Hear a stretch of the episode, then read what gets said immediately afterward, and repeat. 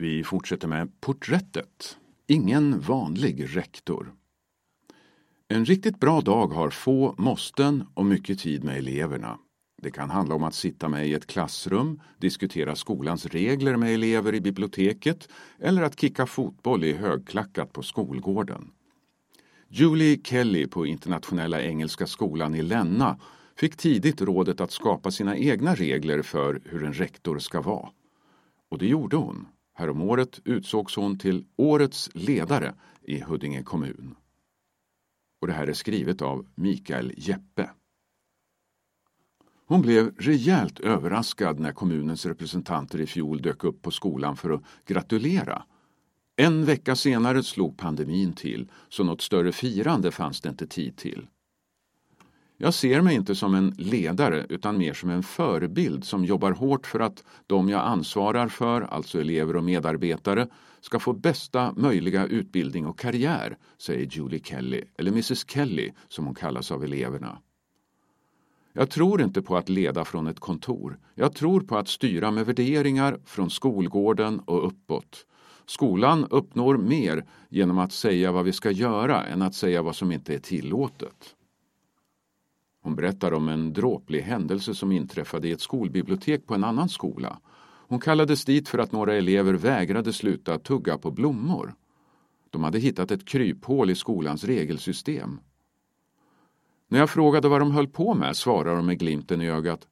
Det står ingenstans att vi inte får äta blommor. Det blev startskottet på en bra diskussion om värderingar och regler. Julie Kelly är född och uppvuxen i svenskbygden Minnesota i USA. Ett litet samhälle med 700 invånare som gnuggas mot varann genom hela livet. Sverige är en kallare version av Minnesota, menar hon. Jag och Jeff ville göra något exotiskt efter våra studier och innan vi gifte oss. Jag tänkte Spanien, värme och sol. Men han hade siktet inställt på Sverige. Jag misstänker att det berodde på att flera i hans hockeylag var svenskar. Jag lät honom vinna den gången, säger hon på engelska. Hon talar svenska utan problem men säger sig hitta orden bättre på engelska. Frågorna ställs dock på svenska. På grund av pandemin görs intervjun via telefon. Paret tillbringade en termin i Växjö och blev kära i både naturen, kulturen och människorna.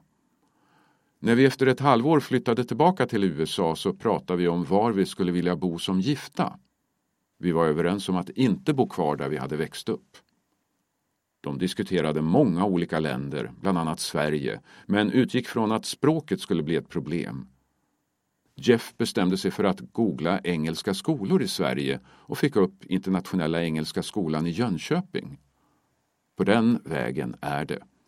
De hade tänkt stanna i två år för att sedan återvända hem för att så att säga leva ett vanligt liv. Det blev tre år. De återvände först 2012. Jag var engelsklärare på högstadiet och Jeff jobbade med skolans IT. Jag älskade det. Det kändes som hemma. Väl tillbaka i USA ringde grundaren av IES, alltså Internationella Engelska Skolan, som vid det tillfället bodde i Sverige och erbjöd ett biträdande rektorsjobb i Halmstad. De nappade efter viss övertalning, omfamnade en ny stad och fick sitt första barn. 2015 återvände trion till USA. De kände att det var dags, inte minst för att deras familjer i USA ville det. Det var vårt svåraste beslut hittills, men vi gick vidare och levde ett ganska traditionellt amerikanskt liv. Det var inget fel i det, men det kändes samtidigt inte helt rätt, säger Julie. IS-grundaren hörde av sig lite då och då för att undersöka intresset för att återvända till Sverige. Vid ett tillfälle ringde hon om ett rektorsjobb på en helt ny skola i Stockholmstrakten. Jag var först tveksam och sa att jag inte var någon Stockholmstjej men fick det svar att skolan skulle byggas i skogen utanför Stockholm. När jag äntligen hittade Länna på Google Maps fanns bara skog och ingenting annat. Jeff sa till mig att vi kanske skulle komma att ångra oss om vi flyttade till Sverige igen men att vi definitivt skulle ångra oss om vi inte åkte. Så 2018 sålde vi rubb och stubb och flyttade till Skogås. Julie berättar att det till en början varken fanns någon skolbyggnad, några elever eller några anställda. Hon kastade sig med stor entusiasm in i allt från byggplaner och vaktmästarsysslor till rekryteringar. Den första tiden var mycket slitsam men samtidigt väldigt lärorik. Jag lärde mig att göra allt. Det betyder inte att jag ska göra allt, men väl att jag kan och är beredd att göra det om det behövs, säger hon och berättar att Huddinge kommun stöttat skolan hela vägen. Stor vikt lades redan tidigt på att skapa en stark kultur. Det ska kännas som att kliva in i någons hem när man kommer till oss. Hon håller fortfarande lektioner och rycker också in som rastvakt. Pappersjobb finns det också gott om, men en del administration gör hon i klassrummen. Då sätter hon sig längst bak med sin bärbara dator. Eleverna blir tystare, lärarna får en mer fokuserad miljö och jag får en del jobb gjort. Det här vinner alla på. Nu har skolan nära 600 elever fördelade på 18 klasser från årskurs 4 till 9 och 60 anställda. Och till hösten utökas skolan med två årskurs 3-klasser. Det är lagom. Större ska skolan inte bli, konstaterar Julie. För ju större skola, desto svårare är det att nå varje enskild elev.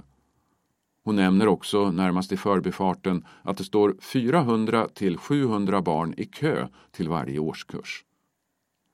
Julie jobbar hårt för att balansera alla rektorsplikter med att få så mycket tid som möjligt med eleverna. Om jag inte har tid för barnen så är det som att säga att de inte är viktiga. Jag insåg tidigt att jag måste se och lära känna varje enskilt barn. Hon kan namnen på alla 573 elever på skolan. Om jag inte vet vad de heter, hur ska jag då kunna ansvara för deras utbildning? Undervisningen bedrivs i skolan.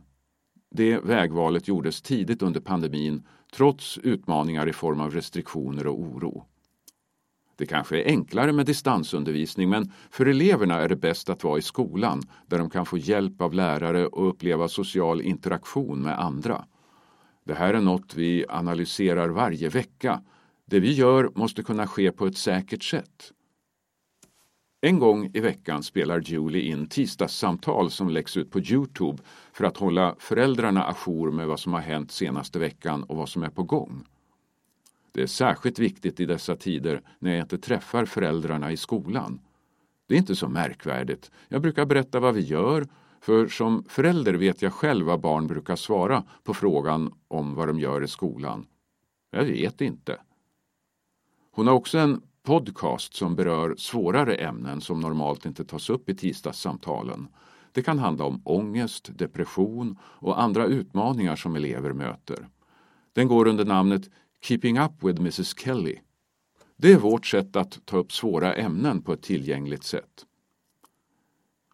Julie trivs i frontlinjen men har samtidigt inget behov av att alltid stå i centrum. Jag har inga problem med att spöka ut mig som Marge Simpson, delta i en armhävningstävling med elever, spexa på en avslutning, täcka upp för någon vid sjukdom. Men jag har också en annan sida. När jag inte är Mrs Kelly så kan jag vara tillfreds med att glida runt i joggingkläder i naturen och inte prata med någon. Faktaruta om Julie Kelly. Ålder 35 år. Familj, maken Jeff och sönerna Liam 7,5 och Nolan 4,5. Bor i Skogås. Bakgrund grundskolelärare i engelska. Motto Människor kommer alltid först. Hobby Löpning så långt det bara går. Vandra i skogen och umgås med familjen och resor. Hemlig talang. Jag är inte jättebra på någonting men det är kanske det som är min talang, att låtsas som att jag är det.